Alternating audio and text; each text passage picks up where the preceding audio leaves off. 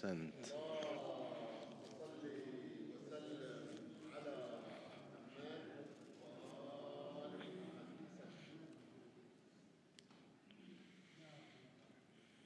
بسم الله الرحمن الرحيم.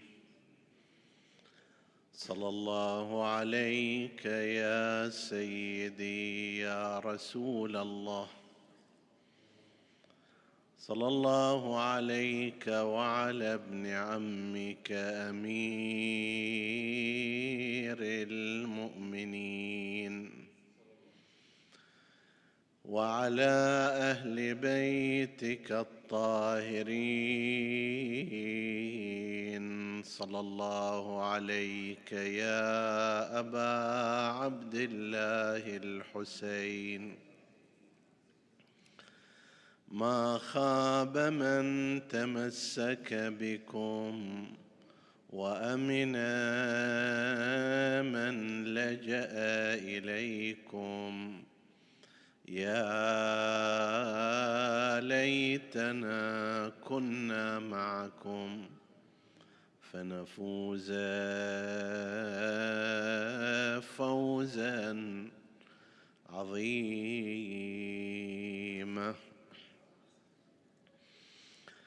من يلهه المرديان المال والأمل لم يدر ما المنجيان العلم والعمل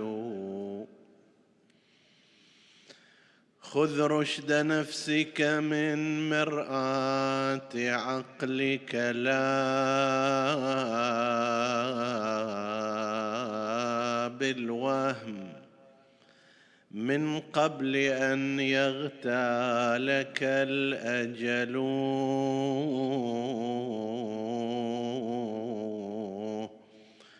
إن الأنام مطى الأيام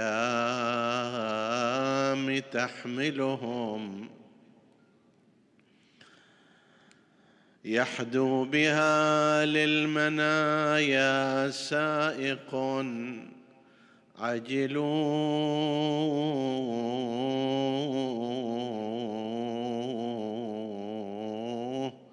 يا منفق العمر في عصيان خالقه. افق افق فإنك من خمر الهوى. ثملوا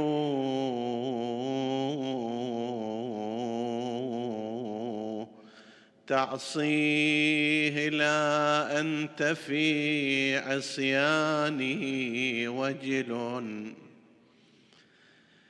من العذاب ولا من منه خجلوا أنفاس عمرك أثمان الجنان فلا تشري بها لهبا في الحشر يشتعل.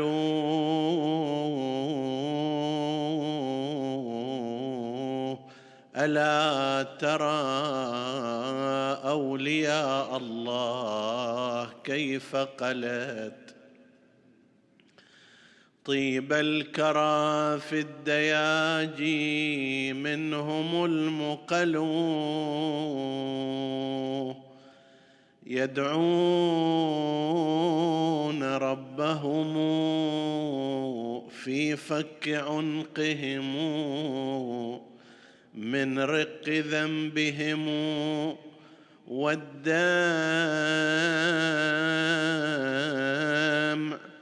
منهمل فلا يسيل لهم دمع على بشر إلا على معشر في كربلاء قتلوا قوم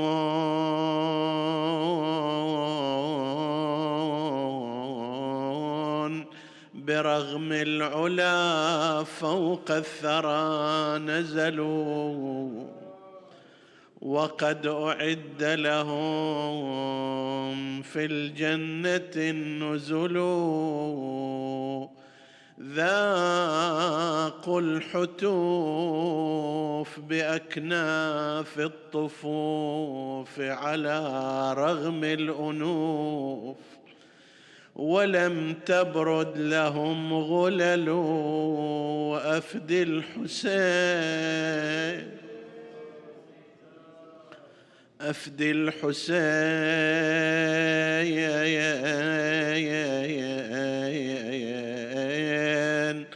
صريعا لا ضريح له إلا صرير نصول فيه تنتصل والطعن مختلف فيه ومؤتلف. والطعن مختلف فيه ومؤتلف. والعنق منعطف والعمر منبتل والشمر مشتغل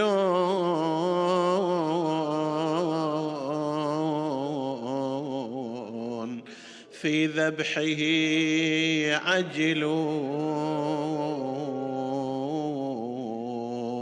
والسبط منجدل يدعو ويبتهل. تقول له يا خايب خل اخويا حسين. ساعة أغمض له ومد للموت باع ما هو شمامة الحلوة طباعة دخل براح روح حسين تظهر. تقول له يا شمر بالله دخل لي وما شاف من الطبرات يكفي. لكنما الأمر لله لا حول ولا قوة إلا بالله العلي العظيم. إنا لله وإنا إليه راجعون. وسيعلم الذين ظلموا أي منقلب ينقلبون والعاقبة للمتقين. عطروا مجالسكم بذكر محمد وآل محمد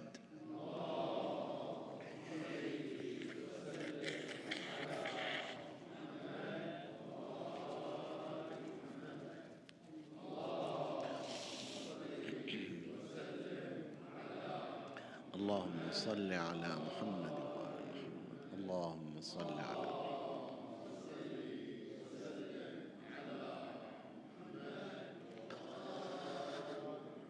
في آخر ليالي هذا المجلس الشريف نختم بذكر أحد شعراء الحسين الذي ينتمي بصورة أو بأخرى بل هو كذلك إلى هذه المنطقة أعني بها البحرين والقطيف.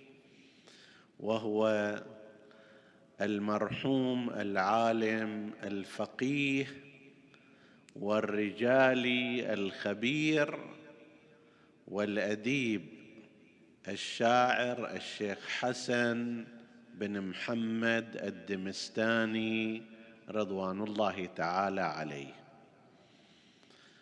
توفي سنة 1181 هجرية وقبره هنا في مقبرة الخباقة في القطيف بجنب مسجد العابدات قريب منه.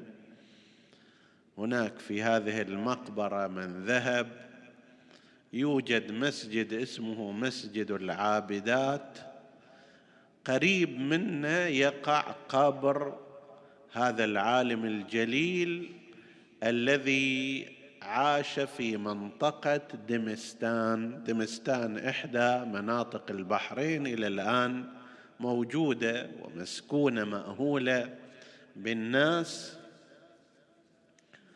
وهذا العالم الجليل عاش فيها بالرغم من أن مسقط رأسه كان بلدة أخرى. هذا العالم الكبير هاجر إلى القطيف سنة 1131 هجرية يعني قبل نحو خمسين سنة من وفاته رضوان الله تعالى عليه كان في القطيف ومدفنه أيضا كان في القطيف على أثر أحداث صارت في بلاد البحرين كانت تتعرض إلى هجوم من قبل بعض الفئات المتعصبة مذهبيا ودينيا وكانت تتعرض إلى شيعة البحرين بالإيذاء الشديد متى ما سيطرت على هذه البلاد. ونتج عنها الكثير من الهجرات من البحرين إلى هذه البلدة إلى القطيف ونواحيها وهذا يفسر وجود العوائل المشتركة. يعني قد تجد عائلة هنا أصلها قبل مئتين سنة كانت في البحرين ولكن على أثر هذه الأحداث وأمثالها كانت تتم هجرة من هناك إلى مثل القطيف وأحيانا إلى البصرة في العراق وأحيانا إلى جهة الكويت وبقية السواحل فكان هؤلاء الناس ينجون بإيمانهم وولائهم لعلي أمير المؤمنين عليه السلام ويدفعون هذه الضريبة راضين بحمد الله. هذا يعلمنا فد شيء أنه هذا الشيء اللي موجود عندنا الآن ما جاء هكذا عفوا وبالراحة وبالأمور السهلة. لا أجدادكم جزاهم الله خيرا وأجدادنا وأسلافنا كم دفعوا من التضحيات. فقهاء عندنا من البحرين تشوفه مثلا ترك البحرين وذهب إلى بلاد إيران إلى بلاد العراق إلى أماكن أخرى. ليش؟ لأنه كان يريد أن يحتفظ بولايته لأمير المؤمنين عليه السلام وإيمانه والظروف التي كانت في ذلك الوقت لم تكن تسمح له فكان آنئذ يهاجر خارج البلاد. وهذا هو الطريق اللي القران يقول له الذين تتوفاهم الملائكة يسألوهم فيما كنتم. قالوا كنا مستضعفين في الأرض. ما يخلونا نعبد ربنا كما نريد. نمارس إيماننا كما نحب. فإحنا كنا مستضعفين. قالوا ألم تكن أرض الله واسعة فتهاجروا فيها؟ شنو ناذرين نذر إلا لازم تقعد في هالبلده حتى لو إيمانك يزول. وقف أنت على هذه الأرض الفلانية حتى لو كان تدينك ينتهي. لا ليس كذلك. هاجر في سبيل الله ومن يهاجر في سبيل الله يجد في الأرض مراغما كثيرا وسعه زين. أي أرض أي بلد بمقدار ما يعطي للإنسان مجال أن يتعبد ربه كما يرى وعلى النهج الصحيح الذي يراه ومن جهة أخرى يستطيع أن يعيش بكرامة. هذا الأرض وهذا البلد يستحق البقاء فيه لأنه لا يمنعه ولا يمنع فيه عن عبادة الله عز وجل عن مذهب عن مذهب يعتقد أنه المذهب الحق ومن جهة أخرى يعيش بكرامة ما يحتاج علشان قوت بسيط لازم يلعق بلسانه الأرض أمام الآخرين. إذا صار الشكل لا في دنياه مرتاح ولا في دينه مرتاح إيش عندك قاعد في أرضك؟ إيش عندك قاعد في مكانك؟ ألم تكن أرض الله واسعة فتهاجروا فيها؟ أنت معاتب في ذلك اليوم. الله فتح لك بابا لكي تتحرك هنا وهناك. تكسب رزقك من جهة وتعيش حياتك الدينية والإيمانية بالنحو الحسن. فهذا سبب أن كثير من الأسر كثير من العوائل بعضها تناصفت. نصفها بقي هناك ونصفها انتقل إلى خارج البلاد. ولو تسأل لعله يعني بعض العوائل المشهورة عندنا هنا لما ترجع 150 سنة فصاعدا تجد أن أصولها لم تكن في هذا المكان. وبالعكس أيضا طبعا هذا يرتبط بالظروف. إذا الظروف كانت مناسبة والأوضاع كانت مستقرة الإنسان ماكو داعي أن يطلع منا ومنك الشيخ الدمستاني رضوان الله تعالى عليه كان من جملة من هاجر من البحرين إلى أرض القطيف إلى بلاد القطيف على أثر هجوم من سموا بالخوارج.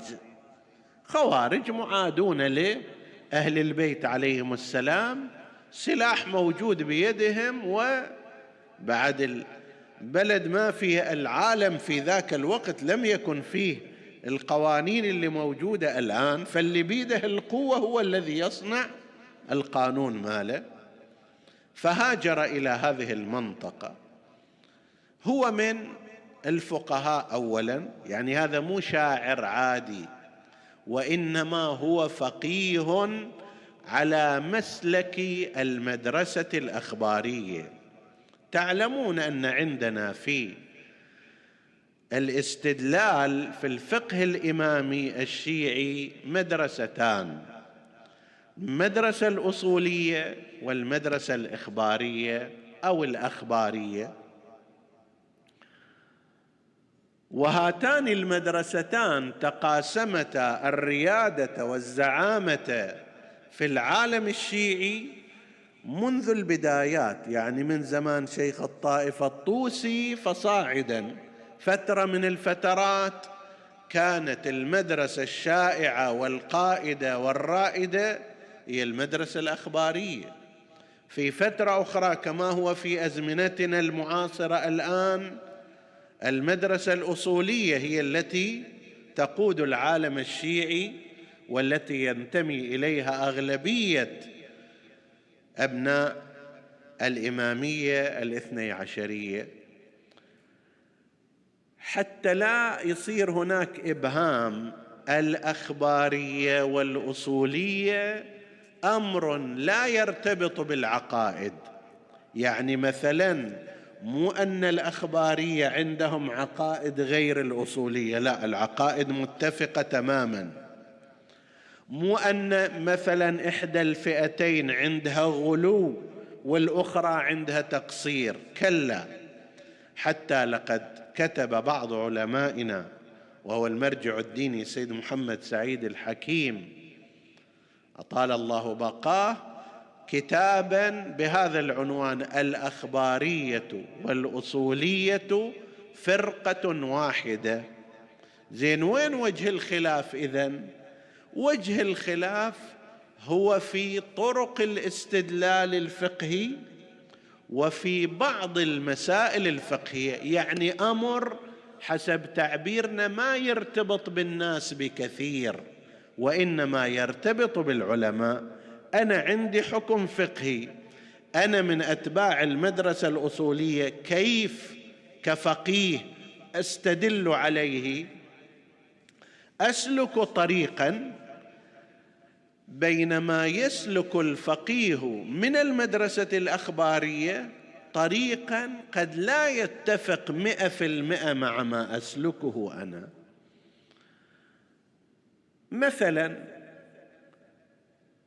المدرسة الأصولية التي ينتمي إليها الآن العالم الشيعي يعني عندما تقول أنا أقلد فلان وأقلد فلان كل هالمراجع هذول التقليد في هذا الزمان معناه أنك تنتمي إلى المدرسة الأصولية. المدرسة الإخبارية لا يوجد فيها تقليد بهذا المعنى الذي يوجد عند المدرسة الأصولية ومراجع متجددين ومعاصرين. لا يوجد هذا. المدرسة الأصولية لنفترض إذا أرادوا أن يستدلوا على حكم من الأحكام الشرعية يقولون إحنا عندنا أربعة أربع وسائل نستدل بها أربعة أدلة نستدل بواسطتها على الحكم الشرعي. نجي نشوف هاي المسألة. هل لها دليل في القرآن أو لا؟ هناك قضايا في القرآن الكريم في العبادات في المعاملات أحكامها واضحة.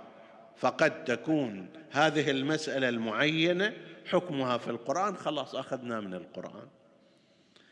عندنا طريق آخر هو سنة النبي محمد.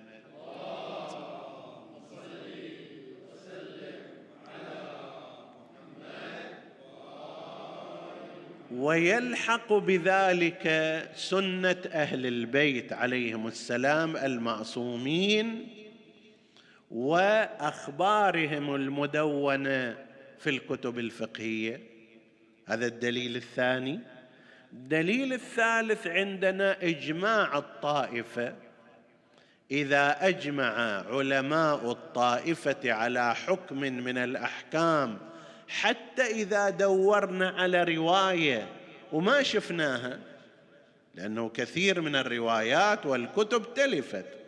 وفي القرآن الكريم مو كل الأحكام بتفاصيلها موجودة.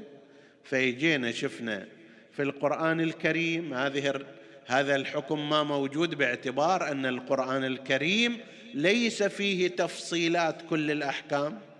إجينا إلى الروايات بحثنا عن هذا الحكم ما وجدنا شيئا واضحا فيه. نروح نشوف العلماء لا سيما السابقين.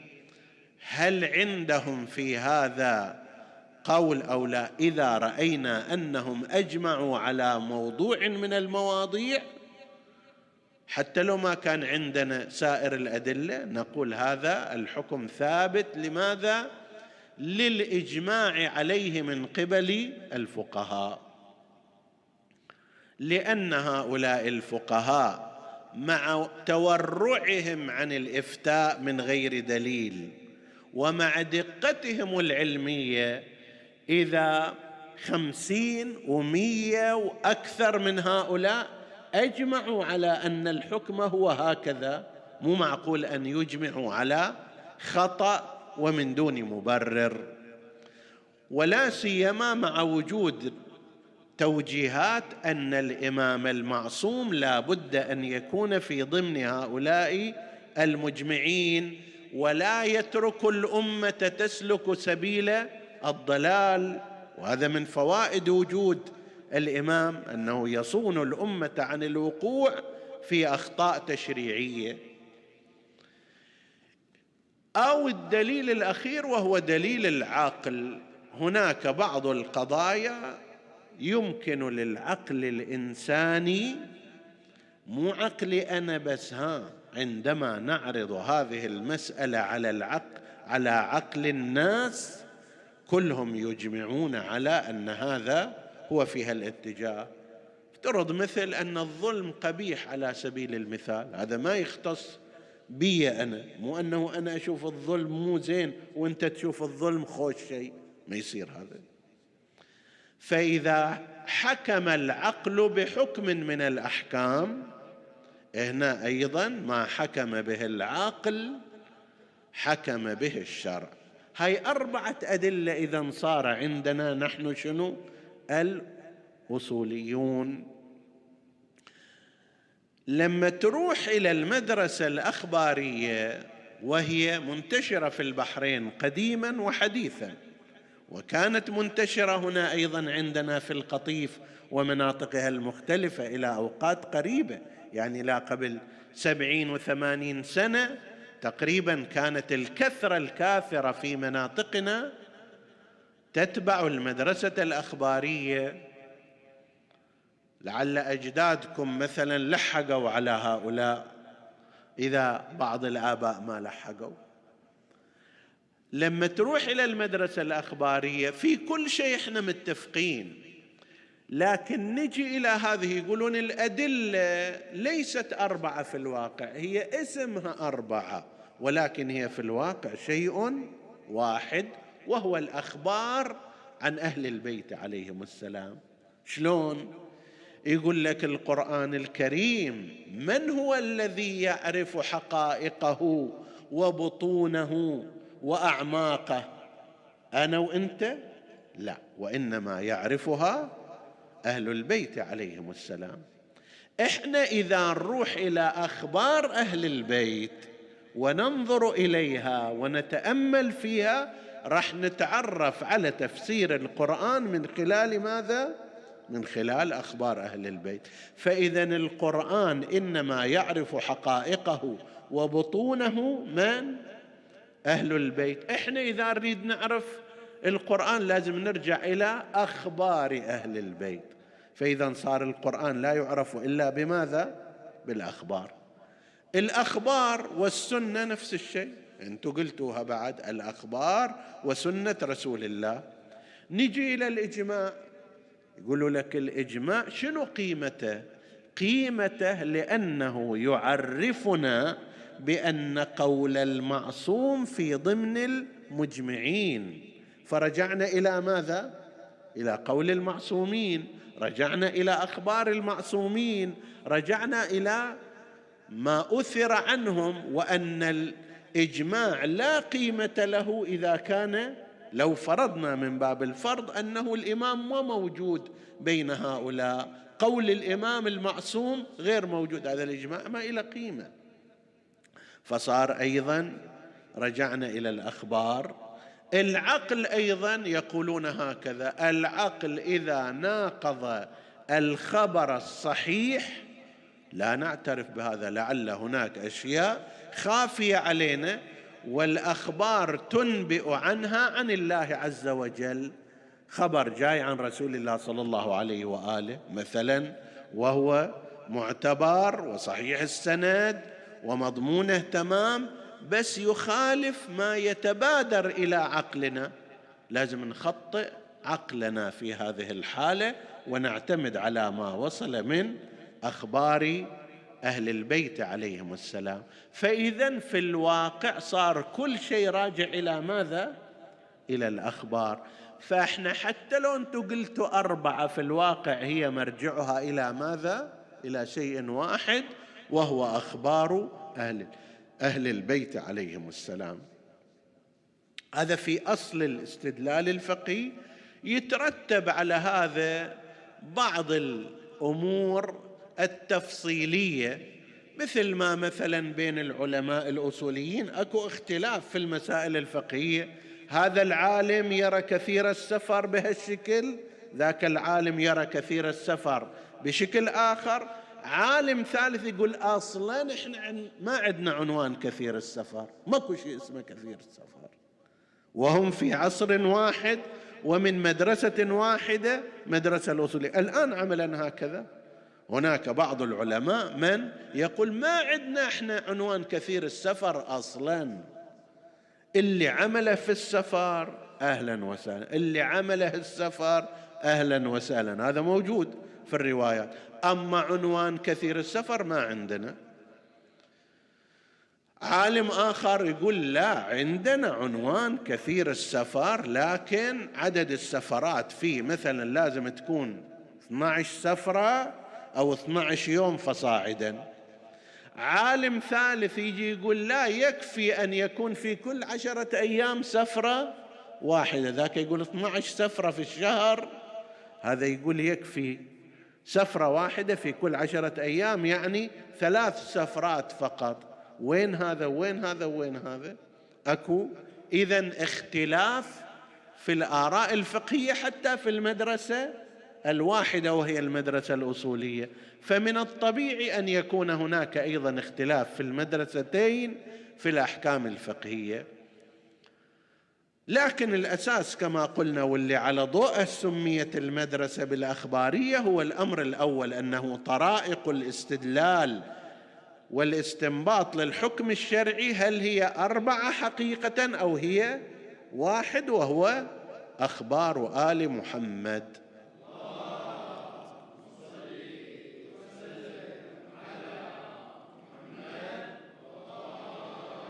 على كل حال هذا بحث يحتاج إلى أكثر من هذا لكن هالمقدار. الشاهد أن الشيخ حسن الدمستاني صاحب القصيدة التي ذكرناها في أول المجلس من يلهه المرديان المال والأمل لم يدر ما المنجيان العلم والعمل لاميته التي أولها وعظ. ثم بعد ذلك يعطف على قضية كربلاء وعنده الكثير الكثير من شعر الرثاء الحسيني من أشهره كما سنأتي على ذكرها بعد قليل هي قصيدته أحرم الحجاج عن لذاتهم بعض الشهور وأنا المحرم عن لذاتهم كل الدهور. بعد قليل نتحدث عنها إن شاء الله. هذا اولا كان عالما فقيها. فقيه. يعني في درجة الاجتهاد. عندما يقال فلان فقيه يعني في درجة الاجتهاد والخبرة التخصصية. وكان عالما ماهرا في علمي الرجال والحديث. حتى نقل في ترجمته أنه من بلدة إصفهان في زمان اللي كان موجود في البحرين أرسل وفد جماعة من بلاد إصفهان عندهم مسائل شرعية فيهم علماء فيهم عارفون بالقضايا الفقهية. أرسل إلى البحرين هذا الوفد حتى يجيبوا أجوبة هذه المسائل لأن البحرين في فترة من الفترات صارت أشبه بعاصمة للمعرفة الدينية والبحرين احتضنت مثل الشيخ يوسف البحراني صاحب كتاب الحدائق الناظرة عالم فحل من العلماء.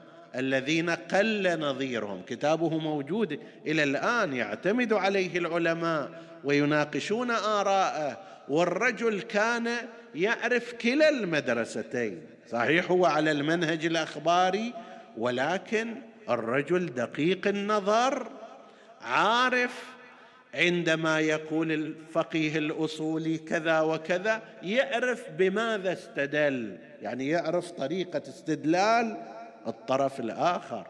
ويناقشهم مناقشة عن خبرة. مجلدات كثيرة هذا الحدائق الناظرة في بعض المجلدات. قريب من أربعين مجلد الحدائق والتكملة. فأرسلوا كما قيل من إصفهان إلى البحرين بمسائل معينة.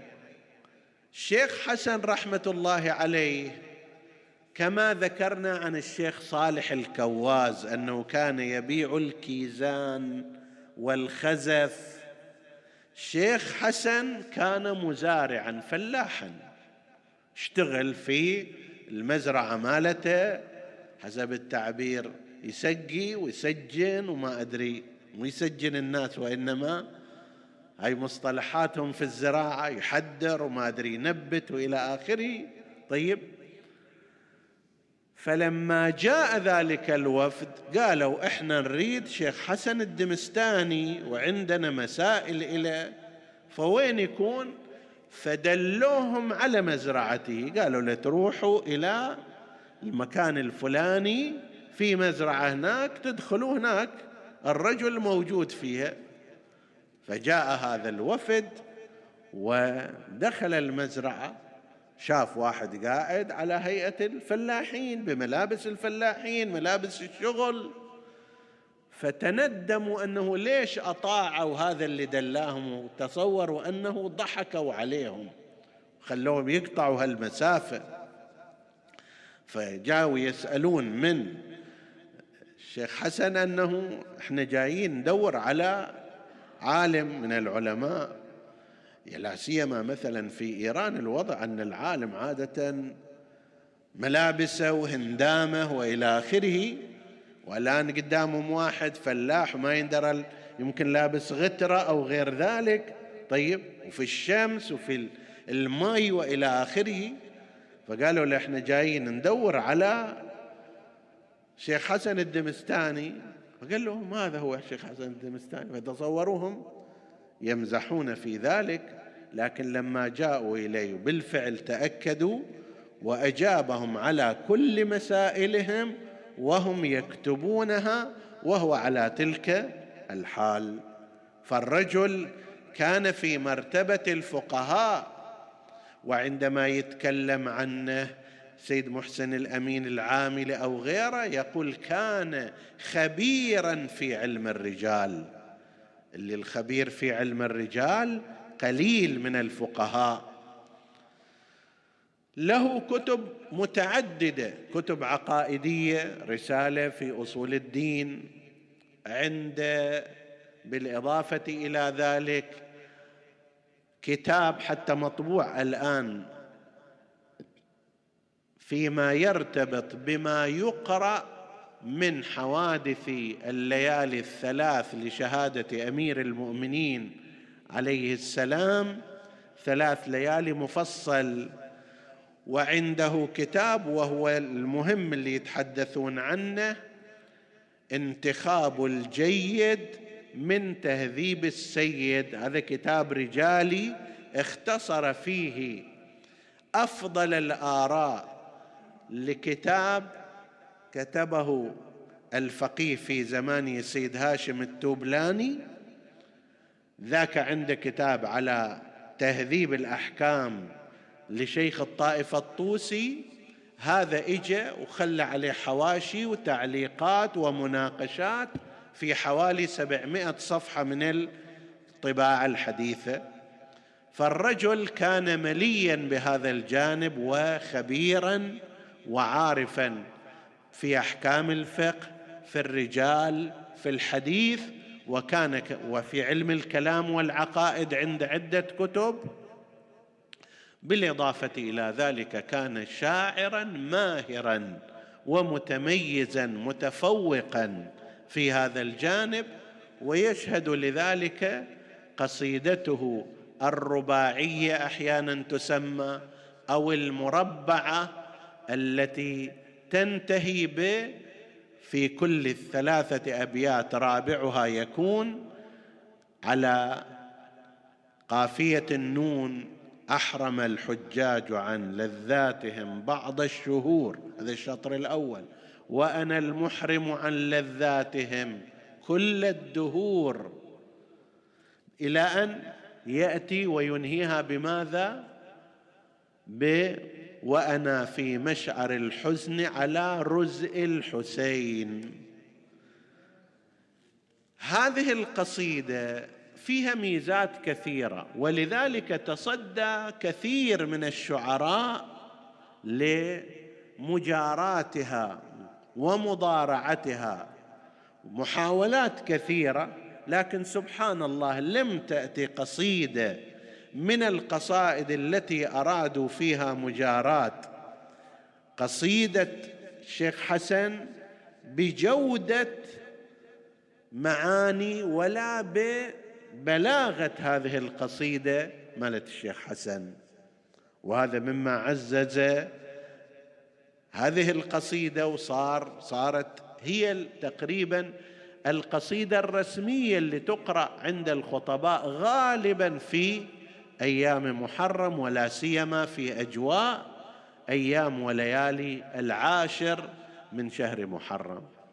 خصيصة أخرى فيها أنها تبدأ وهذا مو كثير من القصائد لم يتيسر لها كذا تبدأ من خروج الإمام الحسين عليه السلام لست أنساه طريدا عن جوار المصطفى لا اذا بالقبة النوراء يشكو اسفا قائلا يا جد رسم الصبر مني قد عفا ببلاء أنقض الظهر وأوهى المنكبين.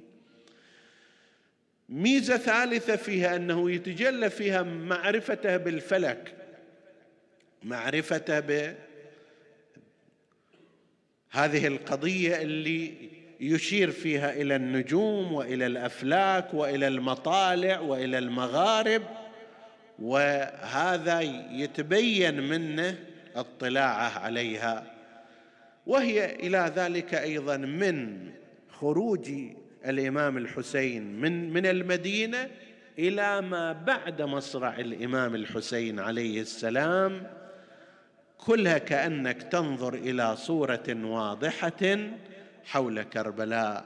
نحن نختم مجلسنا بها. ونسأل الله سبحانه وتعالى أن يرحم هذا العالم الفقيه الشاعر وأن يحشره مع الحسين عليه السلام وأن يحشرنا وإياكم مع الحسين وفي شفاعته. إنه على كل شيء قدير. نختصرها لأنها طويلة جدا ولكن إن شاء الله المقدار الذي يقرأ يكون فيه الثواب. والأجر لست أنساه صريد لست أنساه طريدا من جوار المصطفى. لا إذا بالقبة النوراء يشكو أسفا. قائلا يا جد رسم الصبر مني قد عفا. ببلاء انقضى الظهر وأوهى المنكبين وحسينا وحسينا وحسين ضمني عندك يا جداه في هذا الضريح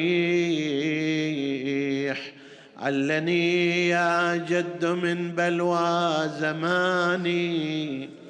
أستريح ضاق بي يا جد من فرط الاسى كل فسيح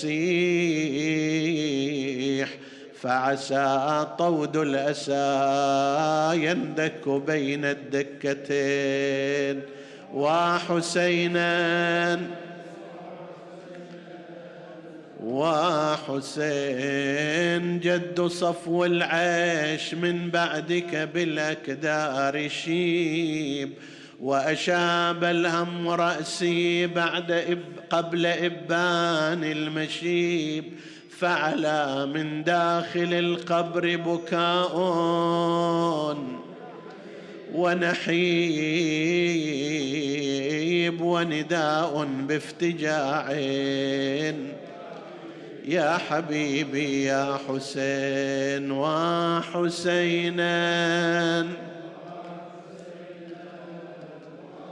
أنت يا ريحانة القلب حقيق بالبلاء إنما الدنيا أعدت لبلاء النبلاء لكن الماضي قليل بالذي قد أقبلا. فاتخذ درعين من عزم وحزم سابغين وحسينا وحسين بينما السبط بأهليه مجد بالمسير وإذا الهاتف ينعاهم ويدعو ويشير إن قدام مطاياهم مناياهم تسير. ساعة إذ وقف المهر وحسينا وحسينا. فرقا صهوة ثان فأبى أن يرحلا فدعا في قومه يا قوم ما هذه الفلا؟ قيل هذه كربلاء قال كرب. وبلا خيموا إن بهذه الأرض ملقى العسكرين وحسينا ها هنا تنتزع الأرواح من أجسادها بضبا تعتاض بالأجساد عن أغمادها وبهذه تحمل الأمجاد في أصفادها في وثاق الطلقاء الأدعياء الوالدين وحسينا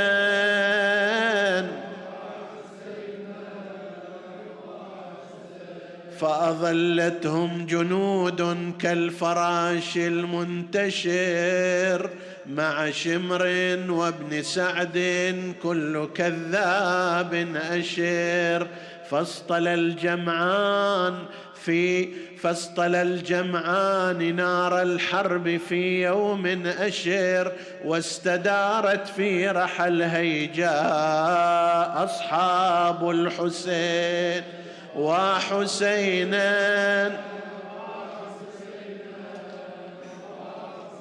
بأبي أنجم سعد في هبوط وصعود طلعت من أفق المجد وغابت في اللحود. سعدت بالذبح والذابح من بعض السعود. كيف لا تسعد في حال اقتران بالحسين؟ وحسينا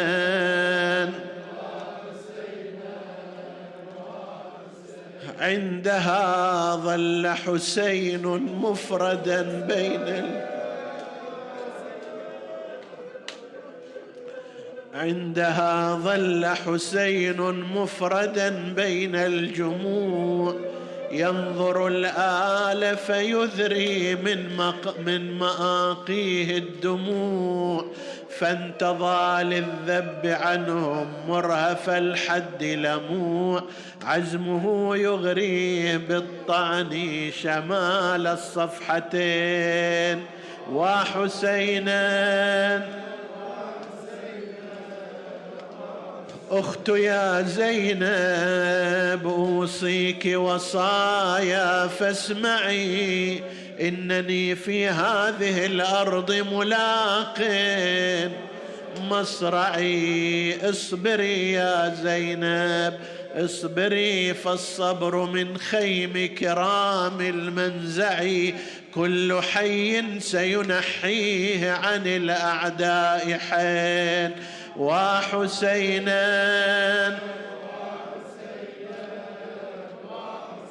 وأغار السبط للهيجاء بمأمون العثار إذ أثار الضامر النقع العثير بالنقع فثار. يحسب الحرب عروسا ولها الروس نثار. ذكر الأعداء ببدر وبأحد وحنين بطل فرد على الجمع من الأبطال طال.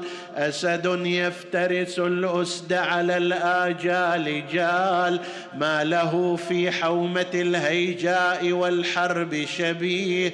غير مولانا علي والفتى سر أبيه غير أن القوم بالكثرة كانوا غير أن القوم بالكثرة كانوا متعبيه. شفتاه اضحتا من عطش الناشفتين وحسينا وحسينا وحسين أيها الشاعر ماذا حصل؟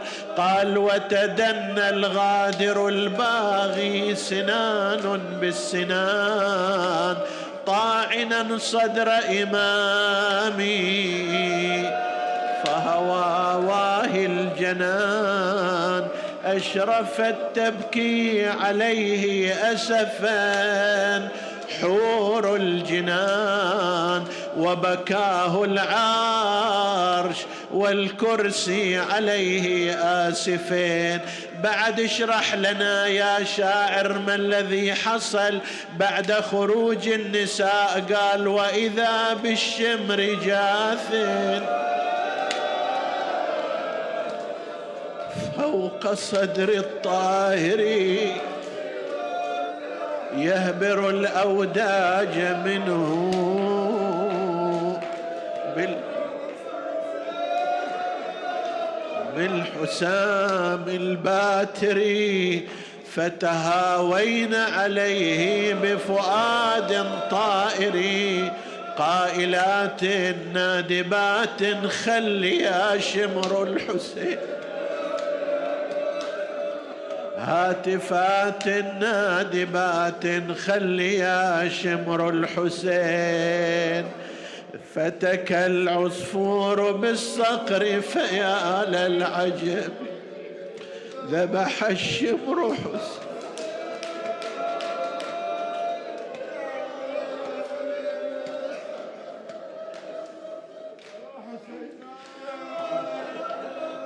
ذبح الشمر حسينا غيرة الله غضبي.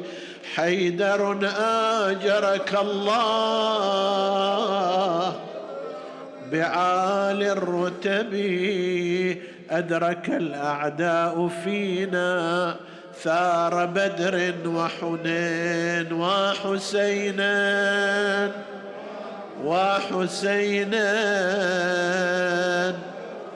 وحسين.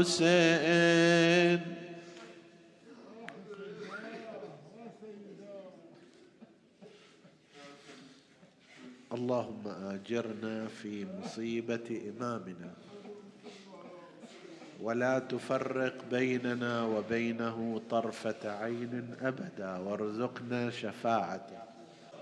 اللهم صل على محمد وآل محمد. اللهم إنا نسألك بالحسين الوجيه وجده وأبيه وأمه وأخيه والتسعة المعصومين بنيه صل عليهم واقض حوائجنا للدنيا والآخرة. اللهم اغفر لنا ذنوبنا كفر عنا سيئاتنا آمنا في أوطاننا لا تسلط علينا من لا يخافك ولا يرحمنا. إخواني الحاضرين والسامعين اللهم احفظهم فردا فردا واقض حوائجهم. عافهم في أنفسهم واحفظهم في أنفسهم وأموالهم وأهاليهم. واشف اللهم مرضاهم لا سيما المرضى المنظورين. ومن أوصانا بالدعاء. اللهم اشفهم بشفائك وداوهم بدوائك وعافهم من بلائك. بمحمد وآله أوليائك. وتقبل اللهم عمل المؤسسين بأحسن القبول إلى أرواح موتاهم وموتى السامعين. نهدي ثواب الفاتحة تسبقها الصلوات.